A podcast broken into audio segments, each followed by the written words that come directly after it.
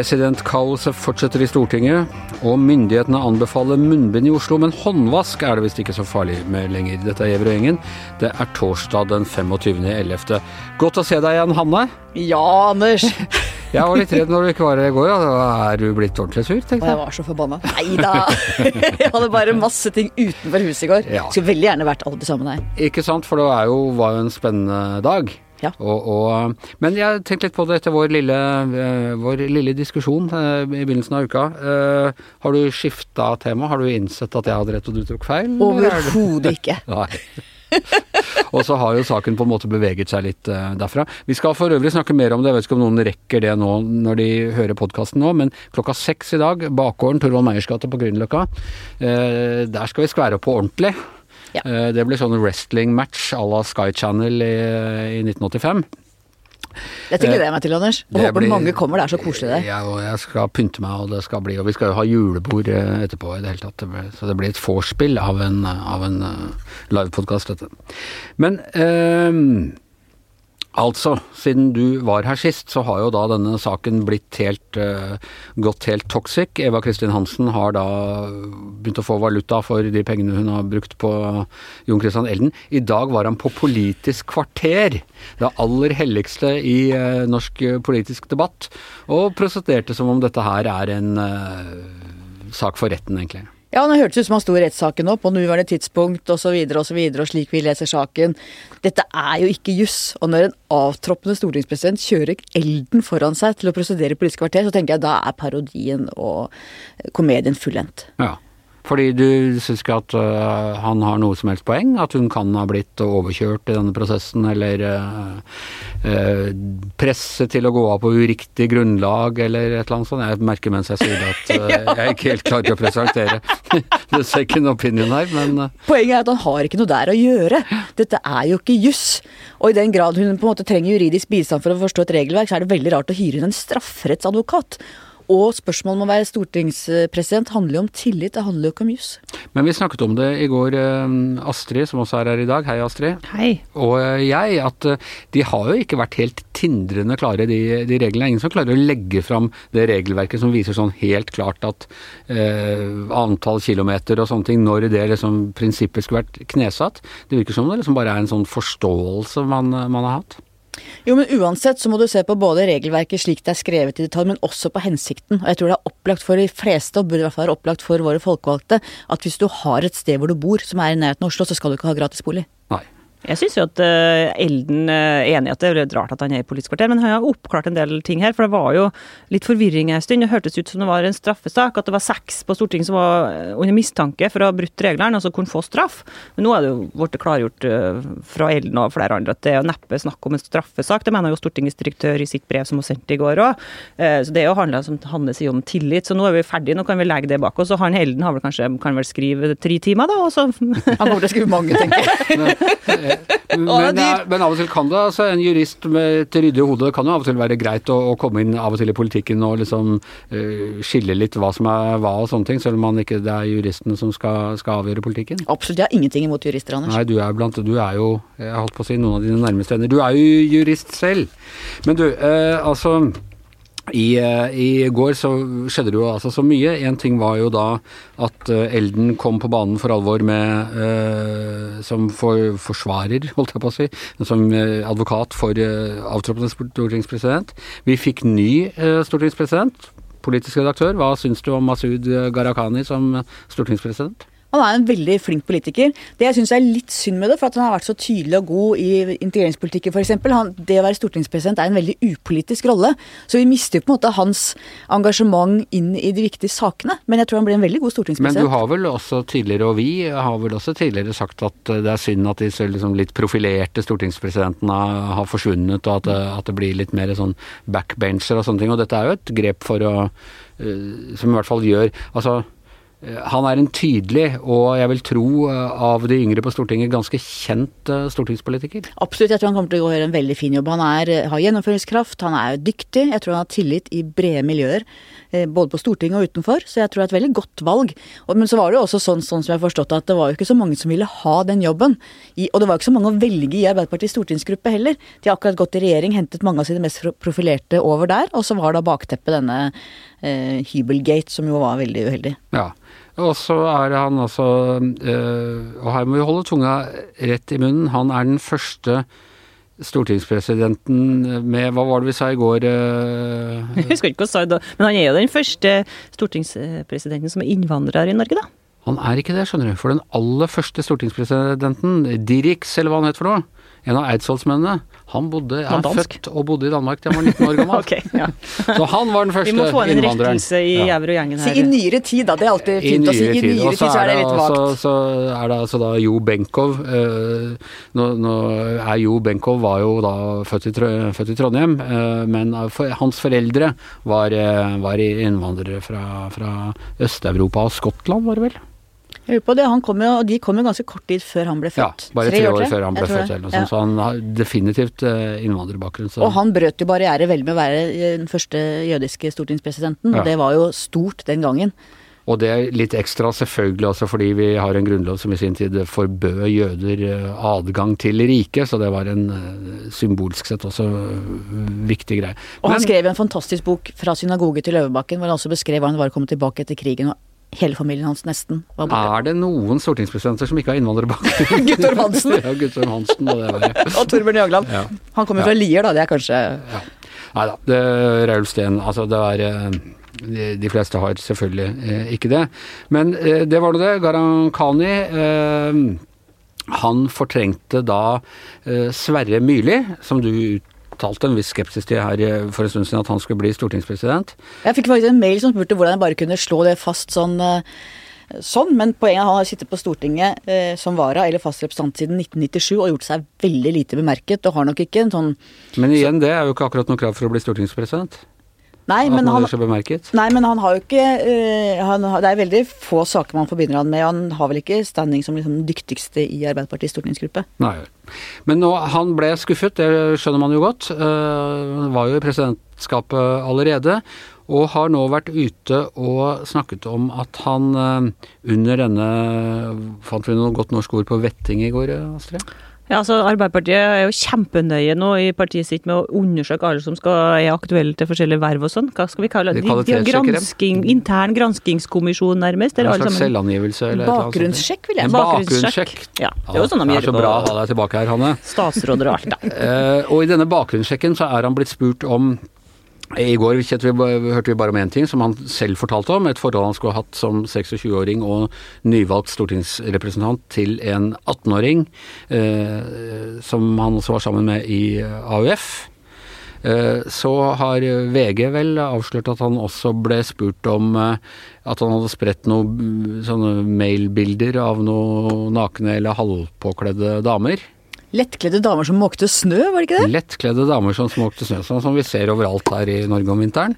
Eh, og så Groviser på et årsmøte i Akershus Arbeiderparti var det tredje. Ja. Var det én, eller var det flere? Groviser. Groviser, flere. ok. Flere grove. Har du hørt om bakegutten som kom til nonneklosteret? Så eh, er dette ting man bør spørre voksne mennesker om når de skal ha et tillitsverv? Ikke noe av dette er i nærheten av å være forbudt? Klart, Hvis det er det som har vippa han ut av den presidentrollen, så er jo det veldig spesielt. Og hvis det i det hele tatt er løftet fram for han, så tenker jeg at det er jo eh, ikke store saker eh, i det hele tatt. Altså det at en 26-åring har et flere måneder langt forhold med en 18-åring, det er i min verden i hvert fall helt innafor. Ja, så Hvis ikke må vi jo heve den seksuelle lavalderen til 20 eller noe sånt, da, hvis, det, hvis det skal bli forbudt. Ja, det er jo ingen som tror at eh, det å ha et kjæresteforhold eh, eh diskvalifiserer som stortingspresident. Det, vi har jo de fleste av oss hatt kjærlighetsforhold. Ja, så det kan ikke være det som er saken. Som man ikke er født på samme dag som. Eh, men, men, er det, jo, men det er jo også snakk om liksom hva slags, hva slags sånn offisielt forhold står man i til hverandre, er man sjef og sånne ting. Disse tingene har jo, har jo kommet de siste årene, det derre veldig strenge greiene på det. Og det å anvende liksom dagens moral på, på, forhold som er 20 eh, år gamle, det er ganske rart, det òg. Ja, derfor tror jeg eh, at det, er, at det var andre ting som gjorde at de rett og slett må ha ment at han er ikke flink nok til å kunne gå inn i den rollen. Og da burde de sagt det til han. Og det kan godt hende at det er det som de har formidla også, men idet de tar opp disse tre andre eh, sakene med de lettkledde damene som måker snø og gråviser og dette kjærlighetsforholdet på slutten av 1990-tallet, så gir det jo på en måte han også en mulighet til å si at men det var de småtingene som vippa meg ut. Så det, er, det virker i hvert fall som det er veldig veldig klønete håndtert fra partisekretær Kjersti Stenseng og de andre som har vært inne i dette fra Arbeiderpartiets side.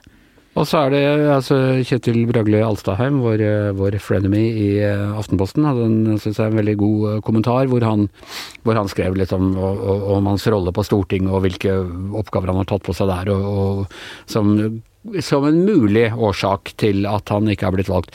Men kan det også være sånn at Arbeiderpartiet nå, etter hele Giske-saken og alt som er, er livredd for alle sånne metoo-greier? Og at uh, det er derfor de driver og stiller uh, disse spørsmålene? Det er jo en teori der om at de er overforsiktige, og kanskje med god grunn òg, da. Uh, det er jo ikke noe gærent, syns jeg, med å bli spurt om et kjærlighetsforhold. Og egentlig ikke noe gærent med å bli spurt om en grovis, hvis det er noen som, som har nevnt det. Men det betyr ikke at det er det som er forklaringa på at ikke han har fått jobb jobben, da, men han er jo ydmyka, som Hanne sier. Veldig ydmyka. Han satt jo i presidentskapet nå, han har mista alle Han er ikke engang fjerde visepresident. Eh, og han mista altså da en ekstra lønna, og han mista vervet, så det er jo en Tenker at det er for han, da, i hvert fall sånn som det var i går, så var det jo, det var han som presenterte de her, her småtinga, i hvert fall den damehistorien, og framla det som at det var det som var årsaken til at ikke har fått jobben. Det er jo ikke sikkert at det er det som er årsaken. Men hvis jeg søker en jobb jeg har veldig veldig lyst på, og kanskje også tenker at jeg har gode sjanser til å få, og så blir jeg på arbeidsintervjuet spurt om noe greier jeg drev med for uh, uh, halve livet mitt siden, som ikke var forbudt og ikke noe farlig og ingen reagerte på den gang, og som jeg ikke har prøvd å skjule på noen som helst måte. Og så er det sånn nei, dessverre, du får ikke jobben. Jeg hadde kanskje falt for fristelsen til å tenke at uh, dette hadde noe med saken å gjøre.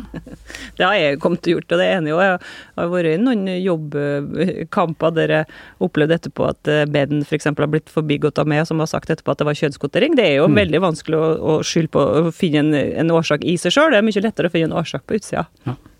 Så er det jo ikke tvil heller, som du var inne på, Anders, at Arbeiderpartiet er gjennomtraumatisert av hele metoo-runden. Og det tror jeg gjelder gjennom hele partiet, fra topp til bunnen. Så det høres ut som Gharahkhani er blitt spurt om han, hvem han var kjæreste med for 20 år siden heller, ikke sant? Så. Nei, men jeg tror alle blir spurt om alt igjen. Ja festlig. Deilig å være på innsiden av Arbeiderpartiet. Det var jo det der eh, skikkelig tabben de gjorde med Eva Kristin Hansen, at de ikke spor om den eh, bosituasjonen hennes i og med at Ropstad-saken akkurat har vært opp, og alle de andre sakene. Så dumma de seg skikkelig ut på det og fikk kritikk for det, så nå spør de vel om alt, som du sier. Ja. Og nå ser jeg jo flere, eh, bl.a. Oslo Arbeiderpartis Knut Roger Andersen, som er ute og er veldig kritisk til partisekretær Kjersti Stensang. Så det er fortsatt, du ser at det blusser opp konflikter alle veier rundt disse spørsmålene. Det virker som det ikke er så hyggelig der inne. Hva tenker du, reflekterer dette på Eh, partileder og statsminister Jonas Gahr Støre? Klart at Han har hatt en ganske røff start nå på sin statsministerperiode. Legger, Black Week. Black Week, ja. De legger jo fram et, eh, et tilleggsbudsjett som er så sterkt prega av Senterpartiet, eh, og ikke Arbeiderpartiet. Hvor liksom viktigste saken for fagbevegelsen, for å sitere Martin Kolberg, fagbevegelsen, fagbevegelsen, fagbevegelsen. Viktigste saken er feriepenger for de som har vært permittert eller ledige gjennom pandemien. Det lovte Arbeiderpartiet. Første 100 dagene skulle det innfris. Det skjedde ikke. Og så har du denne stortingssaken, Hybelgate, hvor Jo Støre gikk ut og erklærte full støtte, har vært ganske klønete i sin eh, håndtering av det. Så han har hatt det Det er ikke lett å være Jonas Gahr Støre. Og det er jo enda mer, hvis vi tenker oss om. Det er jo det der eh, koronahåndteringa, som plutselig hadde jo eksplodert med koronasmitte. Det har han fikk eh, kritikk av Erna, for uh, ja. var ikke, han var ikke gammel i jobben før hun var ute og kritiserte ham. Hun er jo litt rett, ikke sant. De har jo ikke sett for seg at det her skulle bli noe stort problem. Og jeg syns at uh, foreløpig i hvert fall så har Støre og helseminister Kjerkol vært um, jeg savna Høie og Erna Solberg, og det er jo ikke rart, for de holdt på med det lenge. Men de er ikke like trygge i rollen, og de svarer ikke like kompetent på spørsmåla på, på, korona. Foreløpig. Det er ikke så rart heller, altså. Men også er det jo det der med klima òg, med, med, statsbudsjettet. Altså at uh, Senterpartiet har fått eh, pressa opp Eh, pressa ned drivstoffavgiftene, og Barth Eide, miljøministeren, eller eh, ja, klimaministeren, han sier at de skal kutte mer enn noen gang. Hvordan skal de klare det? Det vil jo gå opp i forhold til Erna Solberg sitt foreslåtte budsjett der, så det er mange problemer her, da. Ja, det blir mye for, for sånne som oss å gjøre. Men du, fint at du nevner det der med, med øh, koronahåndtering, fordi og skal en stakkar tru. Nå i går på vei hjem fra jobben så får jeg pling, pushmelding. Raymond og co. vil at vi skal begynne å bruke munnbind igjen i Eh, butikker og på offentlig Det er ikke det er ikke påbudt, men de anbefaler å gjøre det. Eh, Vi vet jo hvilken vei det går. Samtidig omtrent så går Nakstad ut. Espen Rostrup eh, Nakstad, mister eh, pandemi himself, ut og sier at det er ikke så farlig med håndvask. Det hjelper ingenting. Eh, ok, altså det er ikke så lett å vite hvordan du skal forholde deg til denne pandemien. I begynnelsen så var det håndvask som var det helt avgjørende. Og det var ikke noe farlig med munnbind i det hele tatt. Fantes ikke munnbind, alle lå i Kina. Eh, og nå er det altså totalt omvendt. Ja, det eneste som er lov nå, det er jo one night stand. Det ble jo faktisk helseminister Kjerkol spurt om av Dagbladet. Det har vi klart i dette. Vi, det vil jeg si, vi i løssalgpressen klarte å gjøre til det liksom viktigste, eller sånn uh, lakmustesten på hvor vi er i pandemien. Er det greit med one night stand? Ja, det er greit, men du må du, Og du trenger ikke å vaske hendene etterpå, men du må altså ha munnbind. Det er jo Ja, men Hun advarte jo også mot håndhilsing, eh, Kjerkol, på sin Ja, pressekonferanse. Og det var ikke etter faglig råd, mens det var andre faglige råd hun ikke fulgte. sånn at hun har jo da sagt ja til håndhilsing, men nei til. Nei, unnskyld, nei til håndhilsing, men ja til For jeg har prøvd å følge det der håndhilsing litt nå, er folk i full gang med håndhilsing, og så føler jeg meg litt sær, ikke sant. Jeg føler meg litt som de der muslimske jentene som ikke ville håndhilse på kronprinsen øh, for en stund siden, men det er liksom ja, nei, jeg, følger rådet på det. Men så er ikke det noe farlig, da. Nei, altså jeg tror, som Hanne sier her, at Kjerkol var vel bare ute etter et eller annet grep for å vise handlekraft. Det var ikke anbefalt, det der. eh, så, jeg tror ikke det har så stor betydning. Jeg tror Nakstad egentlig sånn faglig sett har rett, men det er jo så bare så uklokt å gå ut med det så bastant at eh, det er jo VG egentlig som har, eh, har eh, skrevet den saken, som har spurt den. Og det er jo en gammel debatt som ligger bak her. Nakstad er sur på FHI fordi at de var så trege med å anbefale munnbind i fjor, og de var så trege med, med å anerkjenne det her med luftsmitte. Nå har det eh, kunnskapen forandra seg, så nå er liksom alle enige om at det er luftsmitte som er hovedsaken, eller at du står nærme noen og puster den. Ikke at du får det på hendene, og ikke dørhåndtak. All antibak antibac og sånn, det har ikke stoppa korona, men det stoppa mange andre sykdommer, ikke sant? Med eh, forkjølelse, fullt og RS-virus rundt der, så det er kjempelurt å vaske hendene uansett. Så det kommer jo litt dårlig ut når Nakstad sier det sånn som det der, at det blir liksom tittelen i en VG-sak at det ikke er noe poeng å vaske hendene. Ja, kanskje Reflekterer det vel den gamle striden mellom FHI og Helsedirektoratet som har ligget der gjennom hele striden? Jeg tror ikke de er så glad i hverandre. nei. nei. Interessant at det liksom koker ned til en sånn håndvaskgreie. håndvask-greie. Fordi dette vet vi jo fra før pandemien, man bør jo vaske hendene skikkelig og ofte og med varmt vann og i 20 sekunder, og det hjelper mot det aller meste her i verden. Du så jo det. at Tenk det på Semmelweis. Ja, Semmelweis, og så ble det ikke noe influensa i fjor, det ble ikke uh, så mye RS. Det var, vi var et friskt folkeferd i fjor, og det var jo fordi at tiltak mot korona de hjalp ikke eh, perfekt mot korona, men hjalp mot alt annet, da, tydeligvis. Men hva tror du Astrid, er det munnbind før jul? På, uh, påbud? Ja, i hvert fall her i Oslo, tror jeg. Det går jo rett opp smitten. Men den gode nyheten er at i nord, som var verst ute nå for et par uker siden, nå i Troms og Finnmark, så begynner de å få kontroll. Og de har jo hatt tiltak nå i ja, en måneds tid, da. Dette er sånn, Nietzsche mente at helvete var ideen om den evige tilbakekomst. ikke sant, så At du bare gjenopplever en sånn groundhog day, det samme om igjen og om igjen. Og om igjen. Og sånn føler jeg denne pandemien er. altså.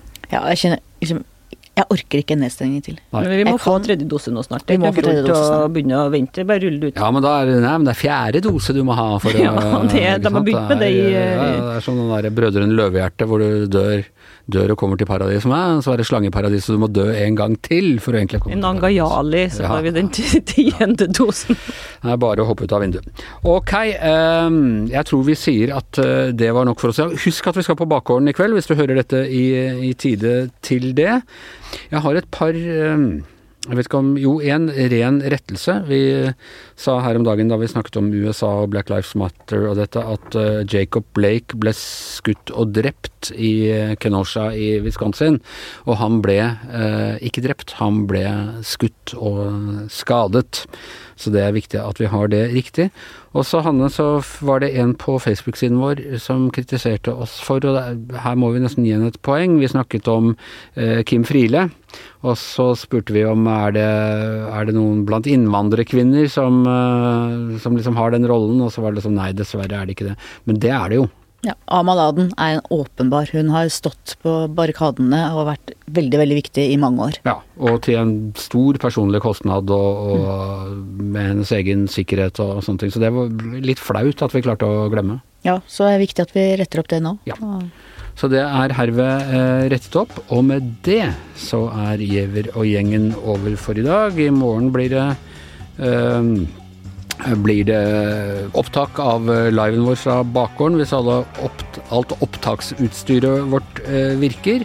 Her i studio Astrid Mæland, Hanne Skartvedt, jeg heter Anders Giæver, og mannen med opptaksutstyret er som vanlig produsent Magne Antonsen.